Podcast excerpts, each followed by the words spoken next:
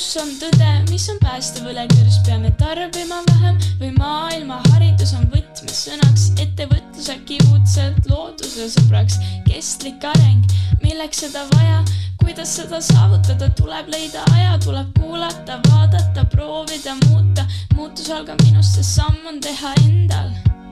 et oleks homne ja edasi, tänasele ei saa sedasi on vaja võtta kuulda kedagi, kes siit kriisist välja, välja meid peaksid, et oleks homne ja edasi. tänasele ei saa sedasi. on vaja võtta kuulda kedagi, kes siit kriisist välja, välja meid veaksid.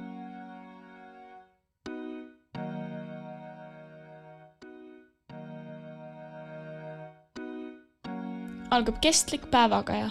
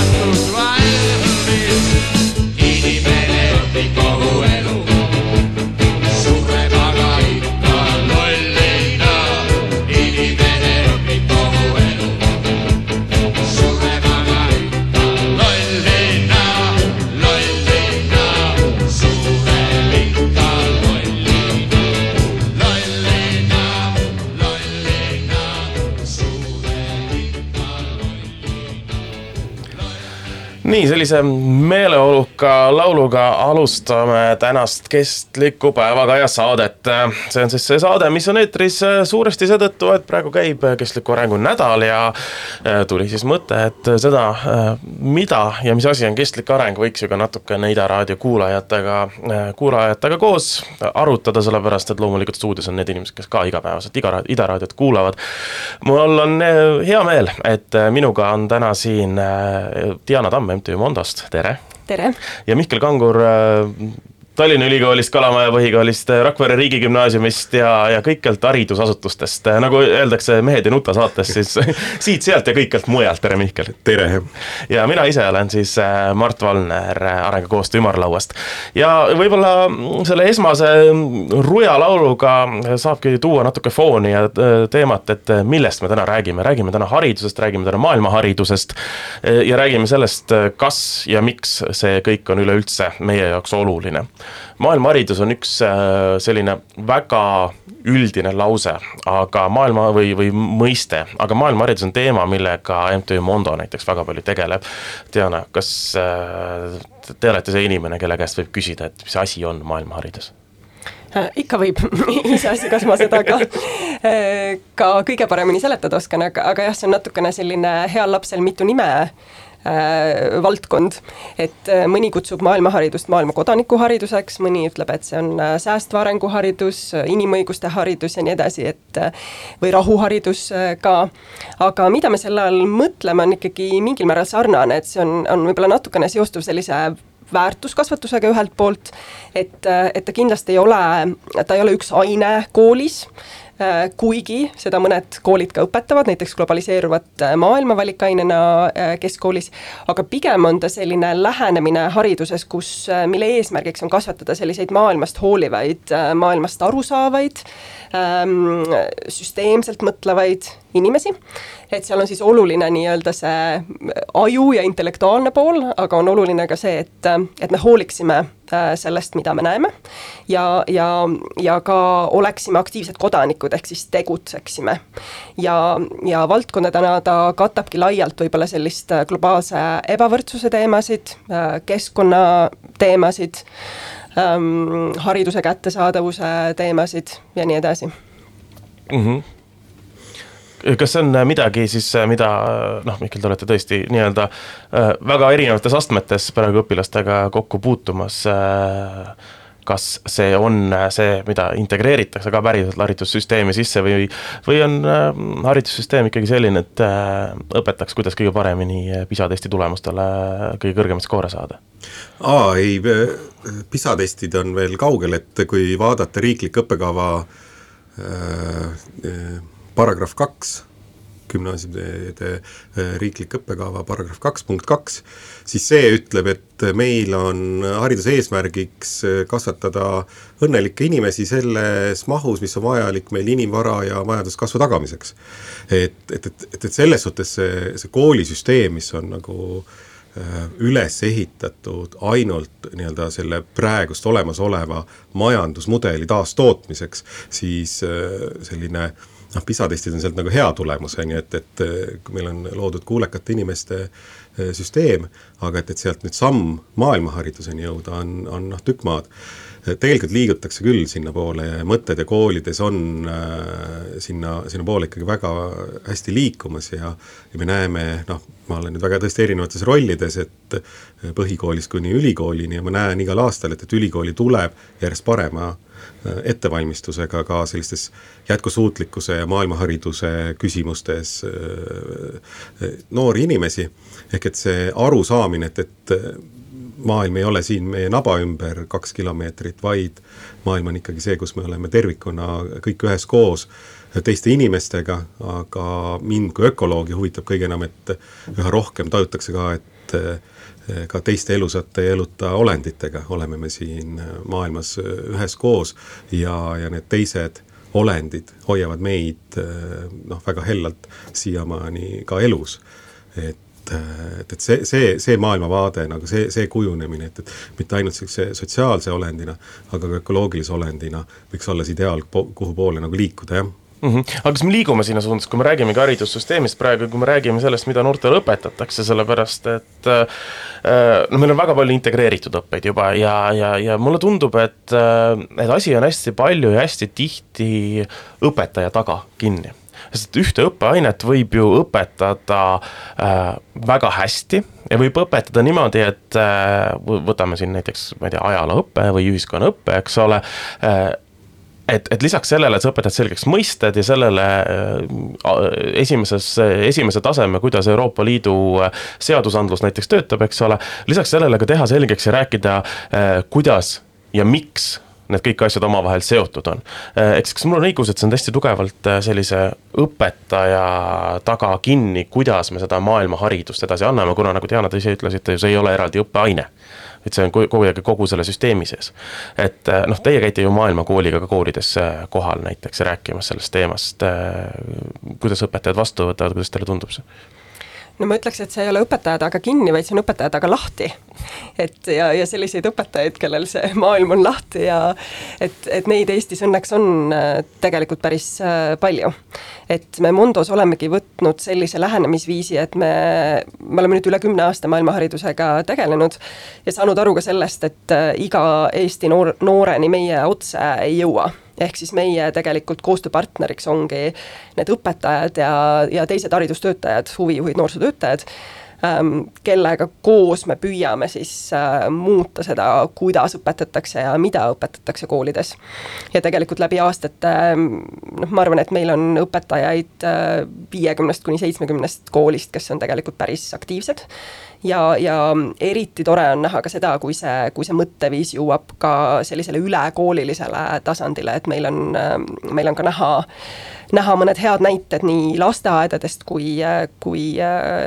kui koolidest, kus, kus ikkagi väga head koostööd tehakse õpetajate vahel, sest tõesti, see ei ole ühe aine teema, vaid sa saadki planeerida, et kuidas me mingisugust ähm, majandusmudelite teemat või, või, või keskkonnateemat äh, toome sisse nii, et see, et see läbib erinevaid aineid. me teeme võib-olla uurimisprojekte, mis, mis ka ühendavaid erinevaid õppeaineid, me teeme koostööd kogukonnaga, et võib-olla üks näide on näiteks Tammsalu gümnaasium, mis on aastaid-aastaid äh, teinud hästi huvitavaid projekte, just ka vaadanud enda ümber ringi, neil on näiteks äh, Vao pagulaskeskus on neile väga lähedal, nad mõtlevad selle peale, kuidas me sellist kultuurilist mitmekesisust ja erinevate kultuuride mõistmist saame näiteks õpilastes kasvatada selle kaudu, et me teeme koostööd, me käime külas Vaol, me kutsume sealt endale külalisi, me teeme koos süüa, me arutleme erinevate, erinevate kultuuriliste nüansside üle. et, et sellised on nagu väga-väga positiivsed äh, näited Eesti koolidest mm. -hmm. no Mihkel, on õpetaja taga lahti see teema? see on, see on päris nii ja naa, et ma ise noh, olles ka igati teadlik ja kõik ja ma tunnen seda, kuidas see kuskilt tuleb nagu sisse mingisugune süsteemi surve, nii kui ma noh, seal koolis tegutsema hakkan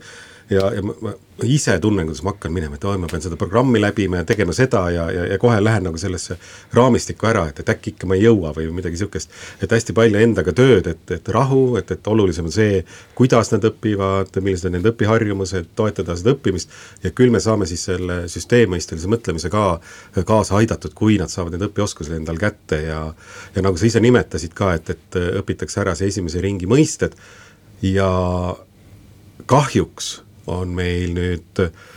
ma ei oska veel päris täpselt seda näppu peale panna, aga ma arvan, et need on needsamad oma eriala õpetajate liidud, kes ütlevad, et noh, et nende aine, see on noh, A ja O, ilma selleta põhimõtteliselt noh, inimene kukub kohe pikali, kui ta seda ei saa nüüd täis iga päev viis tundi, on ju, seda ainet. et siis on see aetud, need programmid noh, niivõrd täis, et, et seal ei jää seda ruumi, aga et, et kuidas ma vaataksin neid asju nüüd koos. et ma õpetan noh, praegust kaheksandale klassile bioloogiat ja geograafiat ja ma näen väga selgelt, et et, et, seal on nagu noh, neid kokkupanemise kohti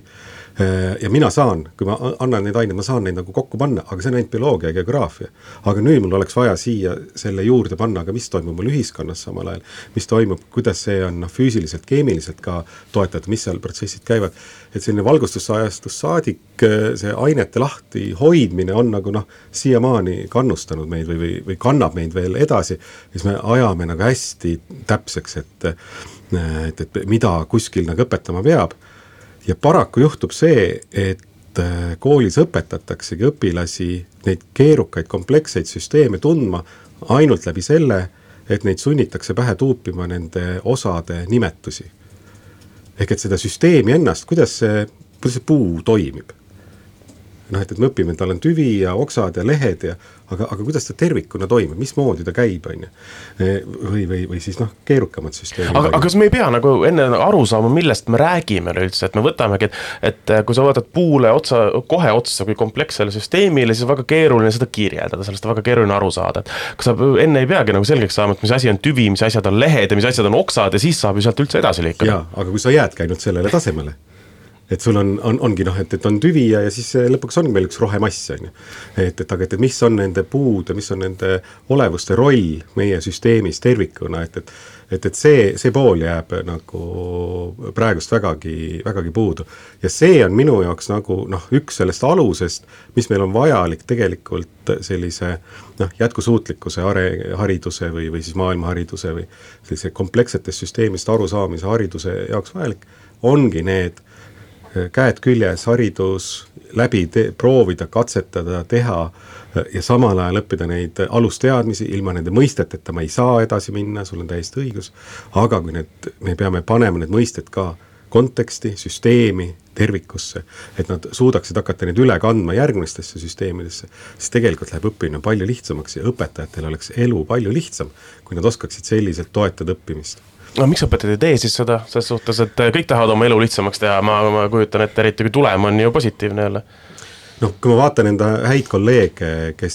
enamus on minust nooremad inimesed, ehk et me ei saa öelda, et, et nad on noh, mingi viiskümmend aastat olnud ja, ja siis teinud kõik asju, kogu aeg neid asju samamoodi ja, ja et, et ei, nad on, ja noh, vanade inimeste seas on ka loomulikult väga edumeelseid, väga hästi õpetavaid inimesi, aga et noored inimesed, kellest me võiksime eeldada, et nad noh, järgivad siis neid kaasaegseid meetodeid ja asju,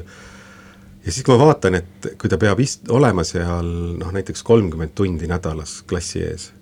siis ausalt öeldes mina ei näe, kustkohast ta võtab veel selle aja, et, et tekitada siis mingisugust äh, lõimingut, integratsiooni, mingisugust äh, tegevust. ja siis me jõuamegi selleni, et, et, et, et neid asju tehakse sageli noh, niisuguse projektipõhiselt. see on pool muna, see on väga hea, et, et neidki on vähemalt siis, on ju. aga et eks me ajapikku jõuame ka siis selleni, et, et see noh, projekt muutub järjest kestvamaks et ta ei, ei oleks ainult, et ükskord õpilased siis nägid noh, et, et neid asju saab kuidagi ka omavahel kokku panna, aga et, et muus osas nad, neil jääb täiesti arusaamatuks, miks nad neid asju õpivad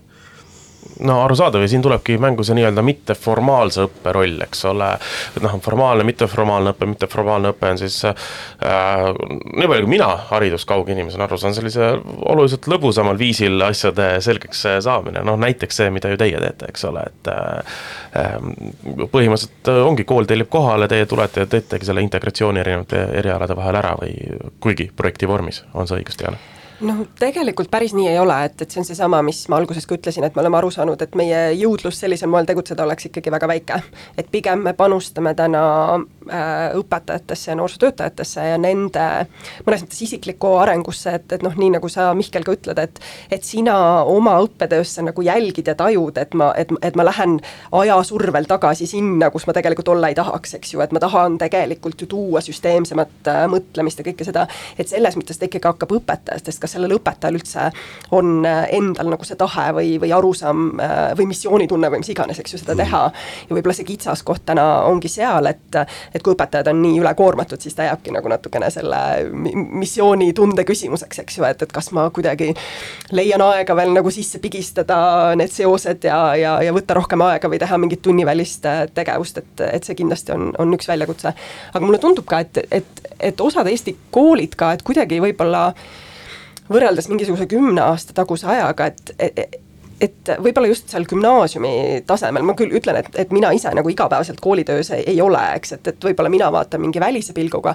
et mulle tundub, et koolid püüavad ka, ka leida nagu neid võimalusi, et noh, liikuda ära natuke sealt, et sul on, sul on hästi kitsastes neljakümne viie minutilistes plokkides tunnid ja kokku mingi seitse ainet päevas, et et seal nagu võib-olla ka on mingid võimalused ja mingid murrangud, et sa hakkad võtma pikemaid tun-, tunde, sa hakkad tegema võib-olla rohkem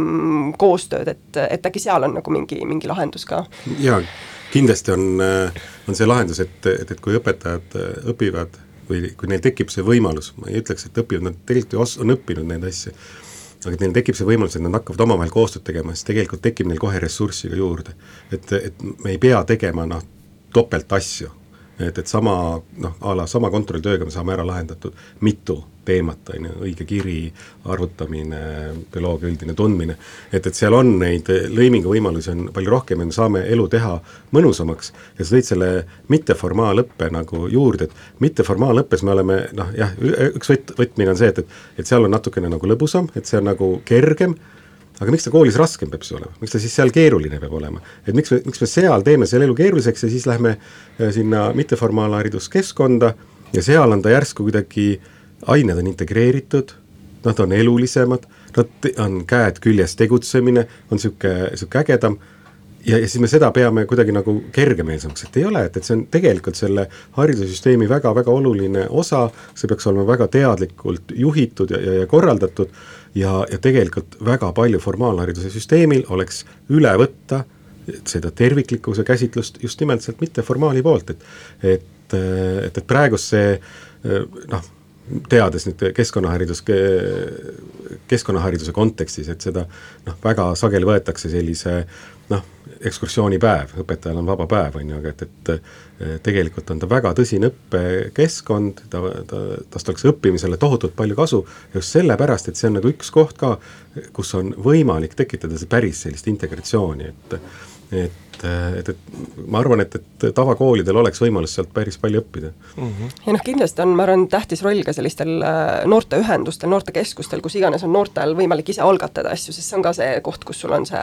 käed külge, sa õpid sellist kodanikuaktiivsust, et, et noh, kui me mõtleme ka Eesti näiteks äh, kliimaaktivistide peale, eks ju, kes on äh, suures osas keskkooli õpilased, et kui sa mõtled, noh, millise pagasi nemad saavad oskustest ja, ja, ja teadmistest noh, läbi selle, et nad on kliimaaktivistid, aktivistid, eks ju, et, et kuidas see noh, panustab nende enda õppimisse, et, et see on tohutu, et mul endal on ka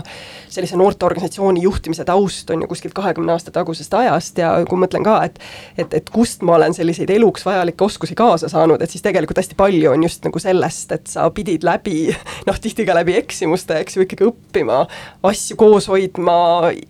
häid ideid ellu viima, et, et, et läbi sellise äh, valu ja, ja pingutuse, aga sellest on noh, edasises elus kuidagi hästi, hästi tugev alus tulnud. jah, aga miks sa ei oleks võinud seda asja teha koolihariduse süsteemi osana et see on, see, et see ongi sinu, sinu hariduse osa, sest et nüüd see, kuidas sa seda kirjeldad, et, et su edasine tegevus on väga palju põhinenud nagu sellel eh, nii-öelda mitteformaalsel mm -hmm. poolel enda hariduse tees ja noh, kindlasti see kooliharidus on sind selles mõttes toetanud, on ju, aga miks need noh, peaks olema kuidagi nagu lahku tõmmatud, et noh, ma siit kell viis ma peaksin olema äh, ülikoolis tagasi tudengite ees, kus me tegelikult teeme neid samu asju. Äh, meil on noh, Tallinna Ülikoolis sellised eluprojektid ja meil alustas nüüd, täna me kohtume tudengitega, kes alustavad kestliku arengu eesmärkide projekt Jaapani eri. me ei ütle tudengitele mitte midagi ette, mis nad tegema peavad, aluseks on ainult kestliku arengu eesmärgid ja eripäraks on see, et, et partnerülikooliks on Tokyo Sofia ülikool, sealne üks tudengite grupp ja nad peavad üheskoos välja mõtlema midagi, äh, mingisuguse tegevuse sellised, äh, kus nad ise arenevad, et nad õpivad midagi, äh, midagi muutub kogukonna jaoks paremaks ja midagi muutub maailma jaoks paremaks. ja, ja mis see nüüd on, peab olema neil nagu endal vabalt välja mõeldud. Sarnase ülesandega kaks aastat tagasi tudengid mõtlesid välja ja tegid koni äh, Koni filmi, see on Youtube'is eh, nähtav ka, eh, Läänemeri, Konimeri, et, et Koni teekond on ju Läänemerre, et äh, anna, anna inimestele vabad käed, anna neile võimalus unistada äh,, mida nemad tahaksid äh, maailmas paremaks teha, milline oleks see võimalus. Ja tegelikult selliste protsesside juures me saame ära integreerida sisuliselt praktiliselt kogu vajalikku riikliku õppekava väljundit et me, meil ei ole vaja tegelikult neid asju sellisena lahus hoida algklassides jah, kus nad ei suuda veel võib-olla võtta selliseid täisvastutusi, et seal võib-olla natuke väiksemas mahus. aga mida ülespoole, seda rohkem saab õpe olla selliselt, et, et sa teedki kogu aeg päris asju mm. -hmm. no selle integreeritud ja, ja eluõppe ja, ja ka kliimaaktivismi juurde mõnes mõttes saame ühe väikese muusikapalaga nüüd tegelikult edasi liikuda. tulekahju tagahoovis on see lugu, mis Mondo ja Mondo koostöös tegelikult Matsalu loodusfilmide festivalil esmakordselt just eelmine nädal presenteeriti siis noorte enda, eh, mis, mis ma võin öelda siis, eh, kliimamuutuste teemaline performance, käed olid suht vabad vist, eks? jaa, loovkonkurss oli ja sellel oli mitu, mitu võitjat ja, ja, ja, ja, ja see lugu oli siis üks neist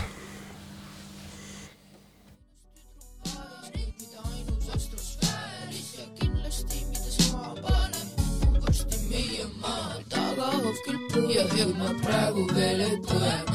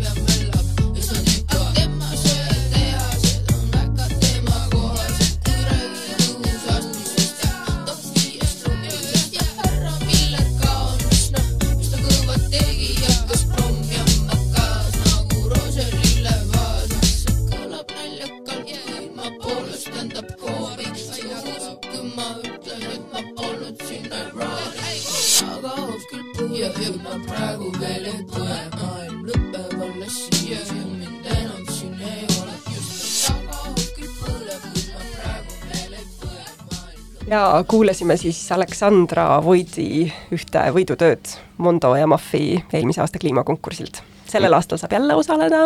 kuni jaanuari lõpuni siis on tööd oodatud. väga hea ja noh, see on üks selline äh, hea ja suurepärane näide siis täpselt sellest samast, äh, mina ütleksin mitteformaalsest õppest, kus äh, päriselt ju ütleme, sellise loo ja sellise asja tegemiseks pead sa ikkagi teemat tundma, sa pead teemat, teemast aru saama, et, et looming on ju asi, mida väga keeruline teha asjast, millest sa tegelikult mitte midagi ei tea.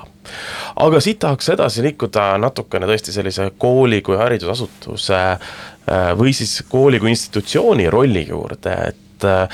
tuleb meelde paar aastat tagasi Arvamusfestivalil oli arutelu, kes õpetab, õpetaja või influencer, kes vaidlesid omavahel siis tollane haridusminister Mailis Reps ja tollane influencer Paljas Porgand. et see oli väga huvitav omaette, omaette arutelu aga, aga teema on ju tegelikult õige, ehk siis keda laps peaks kuulama ja kes peaks seda last kasvatama, sellepärast et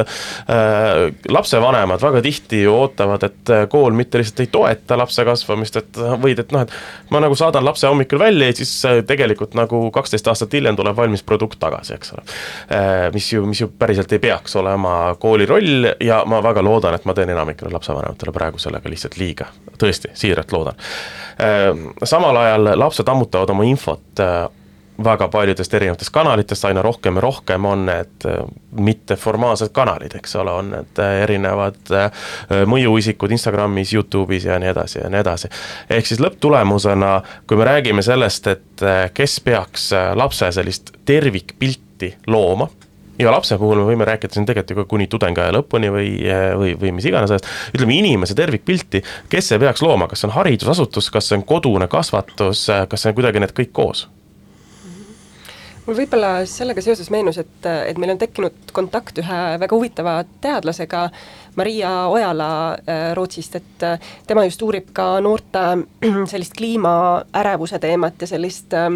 et kuidas sa käsitled teemasid õpilastega, mis tekitavad väga tugevaid emotsioone, et, et mida sa siis teed sellega, eks ju, et kuidas sa seda kanaliseerid või kuhu sa kanaliseerid. aga tema tõi ka selle välja, et, et tema uuringutest on välja tulnud ikkagi, et keskkonnateadlikkus inimestel kujuneb tavaliselt väga varases lapsepõlves ja see on mõjutatud peamiselt keskkonnateadlike vanemate poolt ja looduses veedetud ajast. Sellest, et sa oled nii-öelda käed küljes kuskil metsarajal põllu, põllus mulla sees, et, et need on nagu need põhilised faktorid. Ja muidugi noh, kui, kui seda ei ole kaasa saadud kodust, et eks siis on nagu teised mõjutamisvõimalused või, või kontaktid, kust see huvi ja teadlikkus tekib mm. -hmm. ja et, et kool on ju lihtsalt institutsioon, mis on loodud lapsevanematele abistavaks, et nemad saaksid parimal moel realiseerida enda kohustuse, tagada oma lapse igakülgne areng ja, ja kasvamine haridusteel. et meil on ta noh, tag-, ära pöördunud nagu ümber teistpidi, et, et, et järsku kool muudetakse läbinisti vastutavaks selle eest, mis, kuidas see laps kasvab ja areneb. ja, ja nüüd noh, need ekstreemsed situatsioonid, kus me oleme nüüd poolteist aastat olnud, need toovad välja selle süsteemi nagu noh, sellise nõrkuse, et, et aga lapsevanemad järsku näevad, et aga nad ei oskagi enda lastega öö, koos toimetada või, või, või et, et, et järsku nad nüüd pidid muutuma oluliselt vastutavamaks öö, selle haridus- või õppimise eest ja nad ei oska nagu, ei oska sellega toime tulla, et, et, et nad ei oska nii sisuliselt, nad ei tea neid erialaselt, neid aineid aga veelgi vähem, et nad ei oska enda lastega toime tulla, et, et noh, mul kõige ekstreemsem juhtum oli see, et, et eh, lapsevanemad rentisid ühe korteri juurde, kuhu nad saatsid lapse päevaks õppima, et kodus ei oleks, et neil oli väga raske koos ühes korteris olla, et et noh, et, et väga, väga jubedaid asju on ka, on ju meil aga kui me vaatame, kuidas vanasti toimus, siis oli ju see, et laste kasvatamisest hoolitsesid vanavanemad. et kui elas kolm põlvkonda koos, siis need asjad olid sedapidi ära lahendatud, sest et täiskasvanud inimene töötas ikkagi noh, põllul või, või kus siis oli vaja. et sellises industriaalses ühiskonnas, kus meil need koolid tekkisid, siis see perekonnad elavad lahus ja, ja siis see on noh, tekkinud see muutus, et nüüd noh, me saame öelda, et meil läheb vaja tervet kogukonda, et, et kasvatada äh, seda last, et, et see haridus ei peaks olema mitte ainult, on ju, kodu ja kool võtmes, vaid veelgi laiemalt. et, et õppida saab väga-väga erinevates kohtades, et jällegi me jõuame selle mitteformaalhariduse juurde, kus me näeme, et see tegevus toimubki üle linna või üle, üle küla, üle igal pool. seal, kus on vaja, kus on selle, selle asja tegemise koht seal seda siis ka õpitakse ära, kus sa oled siis see kliimaaktivist või või, või sa aitad äh, konni kuskilt üle tee või, või mida sul on vaja nagu teha, siis sa seal seda õpid ka. et, äh, et, et kahtlemata hariduse osa ja maailmahariduse ja, ja, ja sellise jätkusuutlikkuse hariduse osa peab olema see, et õpilased õpiksid tegutsema oma kogukonnas. et see kool ja kogukond ei tohi olla kuidagi lahutatud, et õpilased õpiksid, see on Tallinnas me näeme seda asja ühtepidi eh, või me näeme, see keskkond nagu teistsugune, siin meil ei kurdeta selle üle, et, et õpilased lähevad ära, siin seda rahvamassi on nii tohutult palju, mitte keegi eriti ei hooli, mis inimestest saab. aga kui me võtame juba noh, vähegi Tallinnast kaugemal oleva mõne väiksema linna, siis seal on kõige suurem õnnetus, mis olla saab, on see, kui seal on väga hea kool. et siis eh, need õpilased lähevad linna, Tallinnasse, Tartusse või, või siis eh, mujale maailma ülikooli ja kas nad oskavad siis tagasi tulla sinnasamma kogukonda seda eest vedama? et, et, et see, et nad lähevad ja käivad ära, on, on väga-väga vajalik, see on väga-väga õige, et, et nad lähevad ja käivad eh, linnas, käivad maailmas, aga kust neil tekib see eh, oskus tulla tagasi seal kogukonnas nüüd tegutsema? Toronto ülikool ei saa vastutada selle eest, et see üliõpilane tuleks tagasi Rakvere äh, Rakverre elama ja, ja töötama sealses kogukonnas, selle eest peab vastutama Rakvere kool. et Rakvere inimene, kui ta on maailma läbi rännanud, saanud selle kogemuse, et, et millise kogukonna osa me kõik suures pildis oleme ja et ma tahan ja tulen ja teen ja aitan, et, et see Rakvere kogukond oleks ka väga-väga hästi eh, hoitud, siin oleksid inimesed õnnelikud, oleksid äh, toimekad, valmis panustama igasugustesse tegevustesse. et selle kogemuse peavad nad saama ja seda ei saa ainult klassiruumis eh, ühe õpetaja käe all tegutsedes teha, vaid et, et see peab olema tunduvalt laiem vaade kohe mhm, ehk siis küla kasvatab tänapäeval seda last ikkagi äh.... ja, ja kui me jätame selle küla äh, nii-öelda influencer iteks, et, et see, need nimed, keda sa nimetasid, nagu paneme tähele, et, et kumbki neist enam ei ole stseenel, on ju. et, et, et, et kui me jätame selle, selle küla hooleks, sellise äh, kaasaja küla hooleks ehk et äh, sotsiaalmeedia hooleks, siis me ei oska seda kontrollida, et, et keda me sealt lõpuks kätte saame, et, et, et mis seal siis juhtuma hakkab, et no aga, aga kas, kas peab üleüldse selles mõttes, kas see Toronto ülikooli läbinud äh, Rakvere noor, äh, kasutades praegu seda näidet, kas ta peab üldse füüsiliselt tagasi tulema? Äh, kui me jällegi räägimegi sellest, et sotsialiseerumine kui selline ja, ja üleüldse inimese nii-öelda kogukonna tunnetus on palju tugevamalt läinud virtuaalseks. väga palju tekitavad ini-, noortele inimestele üleüldse sellised virtuaalse kogukonna tunnetused, palju noh, sest et sa suhtled võib-olla inimesega, kes on teises maailma otsas oluliselt rohkem, kui sa suhtled oma naabriga, eks ole. Äh, keda sa ei näe, sellepärast et te mõlemad olete äh, oma kodus arvutis ja viimased poolteist aastat ei tohigi üksteisele põhimõtteliselt tere öelda. et, äh, et, et võib-olla see inimene ei peagi tagasi Rakverre tulema, võib-olla see inimene on, on, ongi füüsiliselt kuskil mujal, loomulikult on ju väga meeldiv, kui sa see nii-öelda kodutunnetus alles jääb, eks ole, et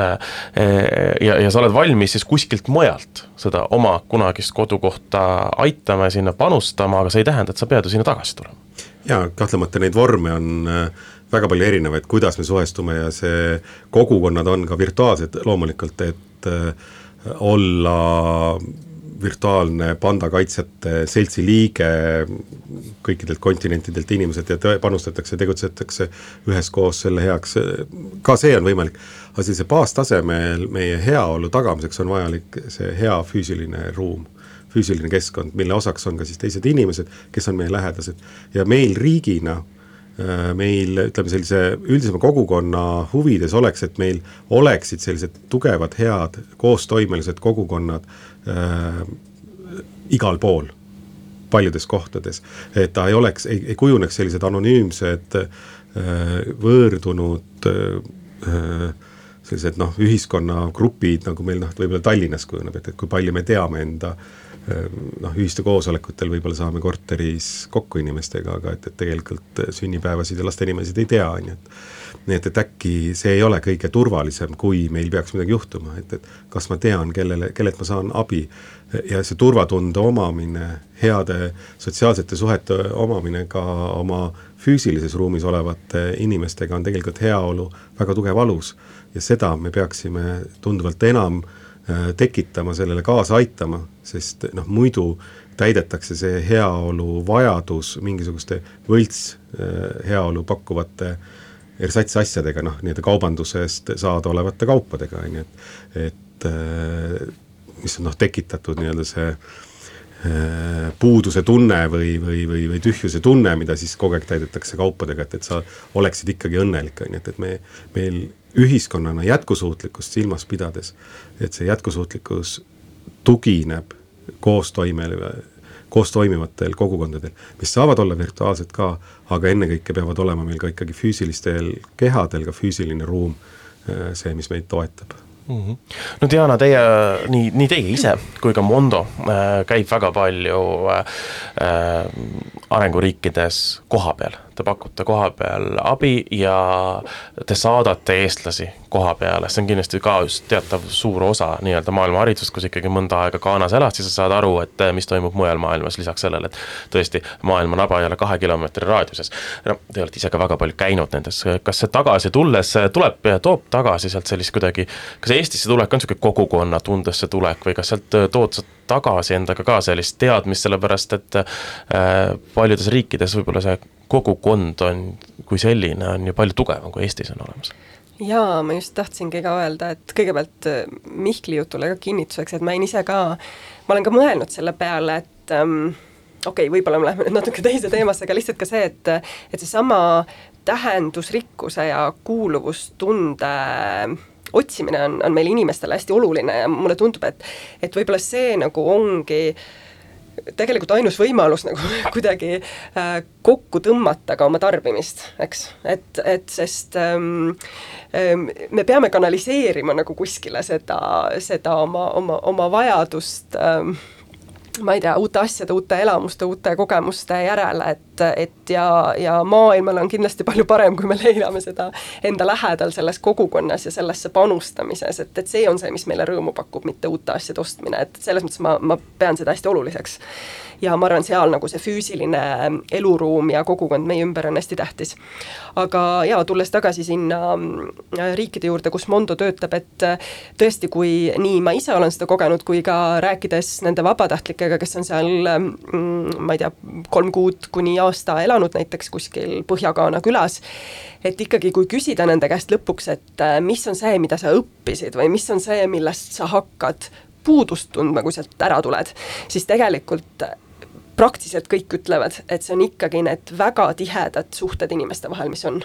sa ei lähe mitte kunagi mööda teisest inimesest tänaval, ilma et sa ütleksid tere, ilma et sa küsiksid, kuidas läheb sinul, sinu perekonnal, kas tööga on kõik hästi, mis on vahepeal juhtunud, et, et see, et sa lihtsalt peatad inimese ja küsid, et kus on, kus on pood või kus on WC, et see lihtsalt ei ole võimalik. et see, et see on lihtsalt ülim ebaviisakus ja siis sa nagu saadki aru, et et kui kaugenenud me mõnes mõttes oleme äh, üksteisest siin Eesti ühiskonnas, ühiskonnas ka, et see et see lähedus on võib-olla selle kõige lähemate pereliikmete vahel, aga, aga nagu laiemas kogukonnas on seda pigem vähe ja, ja seda enam on muidugi tore näha neid kogukondi, kus, kus on üksteist siis kuidagi leitud või, või pingutatud selle nimel. ja noh, tihti seal on ka võib-olla mingi ühine eesmärk, ühine võitlus isegi vahel taga, eks ju, et noh, seesama, ma ei tea, väikekoolide kaotamine kogukonnast on, on see näiteks, mis toob kogukonna jälle kokku, eks ju, et, et, et saadaksegi aru, et me peame üksteise kõrval seisma, üksteisega koos olema selleks, et et saada seda, mida me tunneme, et meie kogukond vajab, eks. Jaa, minu, ma, mul just praegust on, Facebook tuletas täna hommikul meelde, et kaks aastat tagasi mul oligi viimane, viimane välisreis. Äh,, oligi Mondo kaudu käisin Myanmaris äh,, sealsed kooliõpetajad õpetas, minu reis oli küll, oli ainult äh, nädal, ma olin seal kohapeal, et, et hästi kiire äh,, kiire käik, aga see, mida ma nägin ja mida ma äh,, mis, mis meenutas minule seda olukorda, kus me olime võib eestlastena, ma mõtlen, võib-olla seal noh, üheksateistkümnenda sajandi keskpaigas, kui hakati aru saama, kui oluline on see haridus. et, et kui oluline on saada väga hea haridus ja millele tugines siis lõpuks meie iseseisvaks saamine. et eh, läbi haritud rahva meil tekkisid spetsialistid, juristid, kes eh, kirjutasid meile põhiseaduse lõpuks ja seal millise entusiasmiga, kui, kui vähe on neil alusteadmisi sealt hästi, hästi kummalised küsimused, mida õpetajad minult küsisid eh, selle asja kohta, on ju. aga see on, see on jah, nende, nende maailm, aga see teadmiste janu, mida ma noh, siin näen niivõrd palju vähem, et seda, seda teadmiste nagu väärtustamist, austamist, et, et ma saan õppida. Et, et, et selle, selle võimaluse nagu, nagu tajumine, et, et ja, ja noh, et, et kui, kui, kui soojalt ja tähtsalt või, või kuidagi selliselt vajalik, et, et, et tulite meile appi. milline tänutunne neil oli, on ju, et, et, et et, et kindlasti ma tahaksin, tahaksin sinna veel minna, et, et seal noh, mul on võimalus noh, niivõrd palju anda neile veel, et ma tahaksin seda kindlasti veel teha, kui, kui asjad, asjad nagu, nagu võimaldaksid, aga et, et just sellise hariduse väärtustamine, et kui siin nagu, et noh, miks ma pean seda õppima, on selline, et aga ma tahan veel saada, ma tahan veel saada, et, et rääkige veel, on ju, et, et et see, need erinevused olid mm. -hmm. ma võin seda ka kinnitada, et ka seal Myanmaris ikkagi väga oodatakse Mihklit tagasi, et ma olen üsna mitu korda kuulnud, et kas võiks tulla Mihkel või keegi täpselt nagu Mihkel meile ikkagi, ikkagi veel, veel pikemalt siia ja, ja, ja just need äh, sellised aianduse ja kompostimise ja, ja taaskasutuse alased teemad nagu pakkusid seal väga, väga huvi. aga ma võib-olla ka kasutan võimalust selles mõttes reklaamiminutiks äh, tasustamata, et, äh, et tegelikult Mondo otsib sellist keskkonnaharidust hariduse ja keskkonnateemade alast vabatahtlikku Ghanasse. et kuni oktoobri alguses äh,, alguseni saab kandideerida, et kolmeks kuuks tõenäoliselt järgmise aasta alguses siis oleks minek, nii et vaatan otsa Mihklile ja ootan ka kõiki teisi äh, kandideerima, et Mondo lehelt siis leiab lisainfot. kes julgeb Mihkliga võistlema minna? ei, ei ma ei lähe, ma, et, et, et et rahustada praeguseid tööandjaid. ja rahustada praeguseid tööandjaid, kellega mul on neli töölepingut sõlmitud juba, et arusaadav, see on praegu selline äh, suur ja täiskasvanute haridusest räägime, korraks äh, liiguks, äh, liiguks ühe väikese muusikapeale saatel äh, edasi hoopis lasteaia teemale ka, sellepärast et me oleme nüüd rääkinud, kuidas äh, suuremaid inimesi harida, aga Amanda on see tegelane, kellega, kelle abil maailmaharidust antakse ka lasteaialastele, kuulame ühe laulu ära ja siis räägime korraks, kas lasteaialapsed on äkki liiga noored selle jaoks või mitte. Amanda, meiega nüüd kaasa rända tuul tõstab seiklema meid igas maailmajaos. ahaa, Amanda, sinuga koos hoolt võin kanda, et meie maailm oleks ilus kõigi jaoks. puhtad olgu ookeanid ja pestud olgu käed, jääkarudel seal põhjas olgu ikka jääd. metsa all on vahva siis, kui prügi pole seal taaskasutus on mõistlik, arukas ja hea. ahaa, Amanda, meiega nüüd kaasa rända, tuul tõstab seiklema meid igas maailmajaos. ahaa, Amanda, sinuga koos hoolt võin kanda, meie maailm oleks ilus kõigi jaoks. ükskõik, kas oled Jaapanis, Gröönimaal või Keenias, ükskõik kas oled poiss või tüdruk jalgpalli treenimas, mäng on laste töö, nüüd pane valmis meel, veel tervislikult söö ja varsti oleme teel. ahaa, Amanda, meiega nüüd kaasa rända, tõstab seiklema meid igas maailma ja ahaa, Amanda, sinuga koos hoolt võin kanda, et meie maailm oleks ilus kõigi jaoks. seiklus kutsub kaasa, võta sõbrad ka, hoidma me planeeti Modo ja Amandaga. ahaa, Amanda, meiega nüüd kaasa rända, tuul tõstab seiklema meid igas maailma jaos. ahaa, Amanda, sinuga koos hoolt võin kanda, et meie maailm oleks ilus kõigi jaoks. Amanda viib maailma avastama just nimelt lasteaialapsed, Diana, teie lasteaiaga tegelete. mis tasemel või kuidas see nii-öelda maailmaharidus saab anda nii äh, noorele inimesele? Ma kuulan näpunäitet, olles, mul on kaks sellist äh, lasteaiavanust tütart lihtsalt, et siis ma tean, mida kodus edasi anda. väga tore, sina siis küsi, kas nende lasteaias äh, ka juba Amanda ja maailm äh, õpimappi abil õpetatakse maailma teemasid. aga see lugu oli siis Allan Kasukilt ja, ja see oli vist umbes paar aastat tagasi, kui me äh, kui me mõtlesime, et kuhu, kuhu selle maailmahariduse teemaga Eestis veel, veel võiks äh, liikuda ja, ja me olime just, just lasteaedadelt kuulnud päris palju, et neil on nagu selline äh, suur soov ka teha midagi maailmahariduse teemadel ja võib-olla mitte väga palju selliseid toetavaid äh, materjale ja oskusi ja siis me võtsimegi selle tähelepanu alla ja leidsime ka äh, kaks toredat lasteaeda, Veerise ja Rännemõisa lasteaed, kes siis äh, umbes aasta jooksul äh, tegid meiega kaasa seda rännakut, et testisid nii-öelda, et kuidas neid kestliku arengu eesmärke on võimalik siis äh, nii noorele vanuserühmale lähedale tuua. ja noh, tõesti olidki ka küsimused, et, et et kas sa, kas sa pead rääkima kliimamuutustest näiteks äh, viieaastasele lapsele, eks ju, või noh, kuidas sa selle teed äh, nende jaoks arusaadavaks. ja, või siis ma ei tea, noh, sooline võrdõiguslikkus või noh, mõnes mõttes sa saad tegelikult nagu tuua neid, aga sa pead olema, eks nutikas, et kuidas see oleks ikkagi eakohane. Ja nemad ju ennekõike vaatavad nagu seda vahetult ennast ümbritsevat keskkonda. aga me lõimegi siis sellised karakterid, et äh, väike tüdruk Amanda, kellel on lendav elevant Modo, kellega nad siis sõidavad mööda, mööda maailma, sellist fantaasiamaailma ja kohtuvad siis erinevate teiste to- toredate lastega eri maailmapaigus ja, ja püüavad siis mõista, et kuidas oleme sarnased, kuidas me oleme erinevad, millised probleemid on meie mõlema äh, keskkonnas, et ja, ja see on väga hästi käima läinud, et see on siis ähm, ka hästi toredad illustreeritud äh, pildid, mis moodustavad õpimappi ja seal on lood juures. et seda siis lasteaiad meie käest saavad ähm,, saavad tellida. ja ja üks lasteaed juba helistab ja soovib endale Amanda mappi, väga tore, kohe saadame. Aga aga jaa, et, et on siis õpimapp, mille juurde käib õpetaja raamat ja seal on ka väga palju selliseid ähm, kaasnevaid äh, mänge ja tegevusi, et me oleme siis äh, läbi mõelnud selle, et ühel äh, lasteaiaõpetajal oleks väga lihtne võtta see ette ja hakata tegema erinevaid tegevusi oma lasteaias ja minna sellega ka välja kogukonda äh, loodusesse lasteaia ümber. ja, ja tõesti need ähm, nüüd on ikkagi selle Amanda teemaga, ma arvan, Eestis üle paarikümne last, lasteaia seotud ja tagasiside on väga positiivne. Ja lasteaiad on ise ka ääretult julged, et me ikka imetleme, kuidas noh, näiteks seesama Rannamõisa lasteaed, kes oli ka MAP-i arendamise juures, et nemad näiteks ka lastekaitsepäeval korraldasid laste meeleavalduse vallavalitsuse ees, eks ju, mis alguses tekitas muidugi kõvasti ärevust nii vallavalitsuses kui, kui vanemate hulgas, et mis see siis on.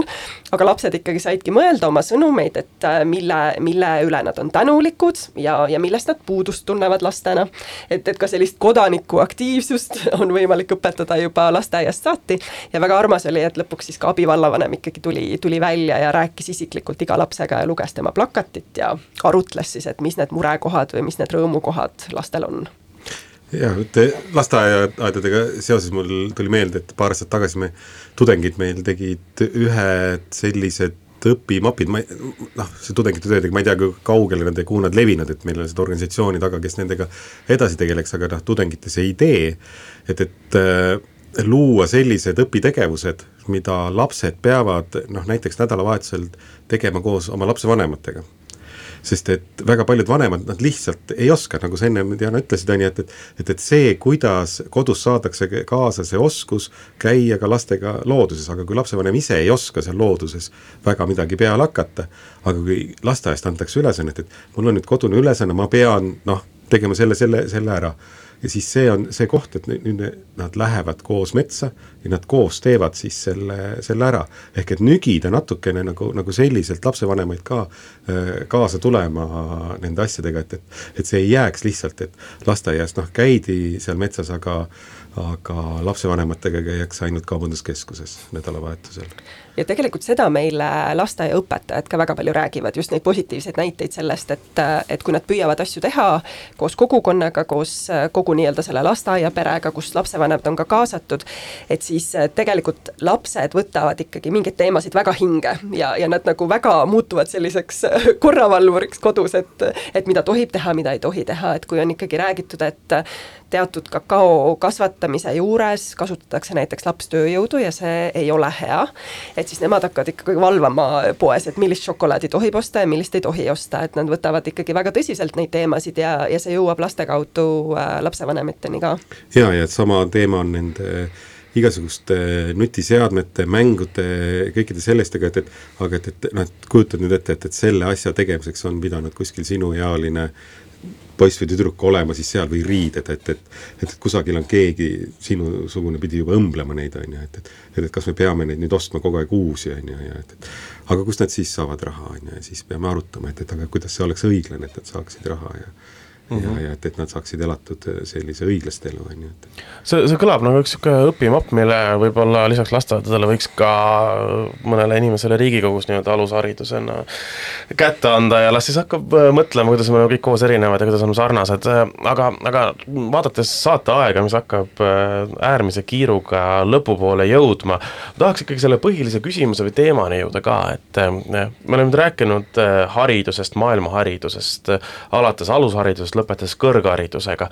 Äh, kas see äh, selline maailma tundmise inimestele selgeks tegemine on siis see võti, mis äh, meie maailma nii-öelda paremaks lõpuks teeb, kas see jätkusuutlik haridus toob kaasa endaga jätkusuutliku maailma? et noh, mõnes mõttes me võime öelda, et noored on väga tublid, vaadates kas või reedel on järjekordne sada kakskümmend mis iganes kliimastreik tulemas, eks ole, ja nii edasi, et, et noored on ju aktiivse rolli võtnud maailma paremaks muutmises, kas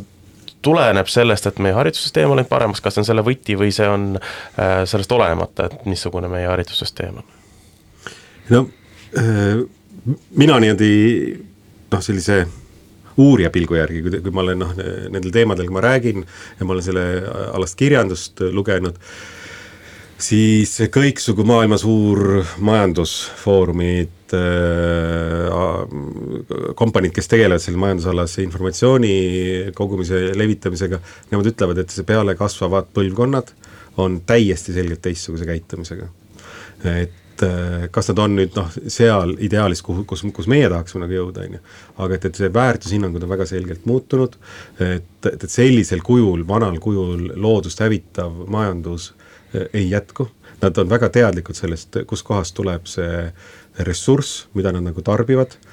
nad ei kannata sellist noh, inimeste ärakasutamist, orjatööd ja nii edasi, et nad valivad pigem äh, vähem,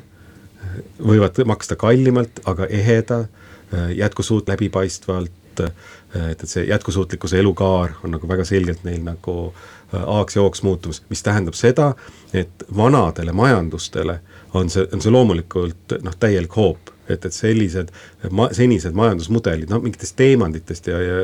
imevidinatest, nendest ei maksa üldse rääkida, on ju, et, et noh, et milleks mingit kivi eest nii, nii palju raha maksta, on ju.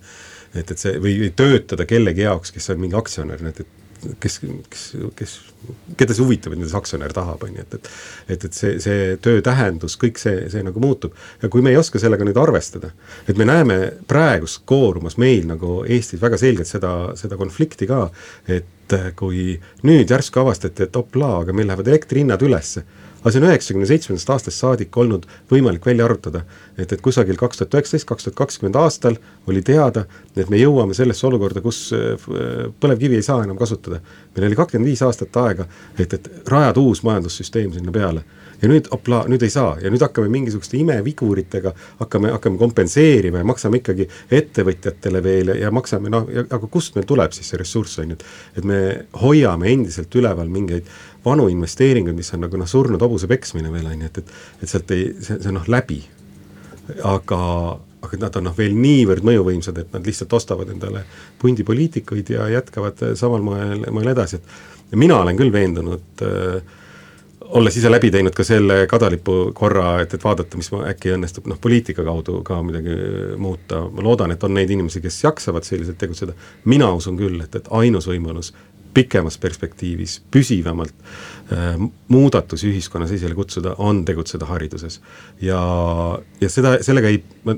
kutsun selles mõttes üles, et sellega ei pea tegelema ainult õpetajad või lapsevanemad, vaid sellega me peame tegelema kõik, et meil kõigil on võimalus panustada äh, järgnevate põlvkondade ettevalmistamisesse, harimisse, kas Eestis, Kongol, Kongos, Ugandas, kus iganes, eh, Myanmaris, kus meil on ka võimalik käia ja, ja kaasa aidata lihtsalt, et see toob niivõrd olulise muudatuse eh, kaasa endaga, et mitte ükski teine tegevus ei ole nii kuluefektiivne kui, kui hea haridus selle kõrval. Jana? Mihklil olid nüüd nii kaunid sõnad, et ma ei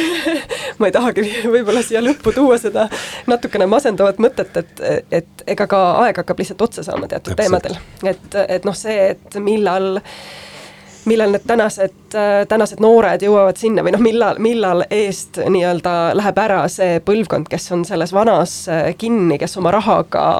toetab seda, seda vana majandust, et tegelikult noh, meil ei ole aega nagu oodata, et, et me ju teame, et et järgmised kümme aastat ähm, on need kõige olulisemad, kus tuleb tegelikult suuri muutusi teha, et äh, et võib-olla selles mõttes äh, jätkan sellega, kus, mis me alguses ütlesime, et tulge reedel ka kliimastreigile kõik, et, äh, et, et kuidagi väljendada, et see, see, see ei pea ka olema ainult see noorte pärusmaa hoida seda lippu kõrgel, et tegelikult kes iganes äh, tunneb ja näeb, et, et see, mis täna toimub, ei ole tegelikult õiglane ega jätkusuutlik, et siis ähm, ükskõik, mis põlvkonnast me oleme, me peame tegutsema, eks ju, aga võib-olla siis oma, oma põlvkonna sees nii-öelda seda, seda teadlikkust äh, suurendama ja teisi kaasa, kaasa haarama. jah, et, et võib-olla meil on aeg saab otsa, et, et seda kõike nagu tagasi pöörata ja aga et võib-olla me peame andma neile väga hea hariduse lihtsalt, et selles kujunevas olukorras nad kuidagi suudaksid toime tulla. et ka see on väga oluline, et, et, et, et kui me ka kukume läbi, et, et siis see väga hea haridus aitab neil ka selles läbikukkunud olukorras paremini toime tulla, et, et igal juhul me peame jätkama, äh, jätkama selle hariduse arendamist, edendamist, et me oleme kaugel sellest, et me teaksime selle, seda, milliseks see maailm peab muutuma, kuidas ta peab muutuma, aga me noh, ei saa ka jääda ootama, et et äh, teeme kõik asjad valmis, siis hakkame õpetama seda alles, et, et õpime ise selle käigus, kuidas see äh, uus mõtteviis, uus maailma nägemus, kogemus toimida saaks. Ja, ja seda saab imeliselt koos noortega teha, et, et me saame neilt nii palju õppida mm. -hmm. no tõesti, aeg saab otsa, lisaks sellele, et meil saab aeg otsa, saab ka meil siin Ida Raadio stuudios kahjuks aeg otsa. Äh, mul on hea meel, aitäh, et te tulite, Diana Tamm, Mihkel Kangur, äh, täna rääkimast haridusest, hariduse äh, tulevikust ja, ja, ja süsteemidest ja sellest, kuhu me üheskoos edasi liikuma oleme, ma ei tea, kas siin saate lõpus paneme äkki kõlli ka korra veel, kuulame väikest räppi ja kohtume kestliku päevakaja saates juba reedel, ma seekord loodetavasti ütlen õige aja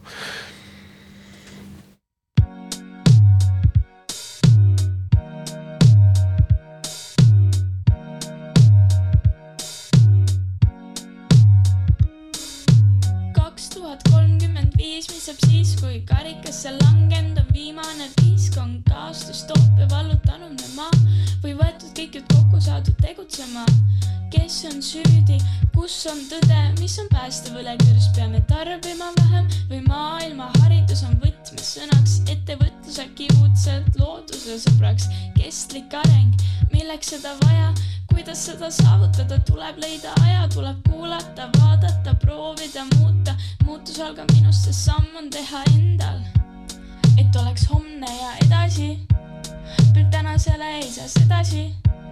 on vaja võtta kuulda kedagi, kes siit kriisist välja, välja meid teaksid, et oleks homne ja edasi. püüab tänasele ei saa sedasi. on vaja võtta kuulda kedagi, kes siit kriisist välja, välja meid veaksid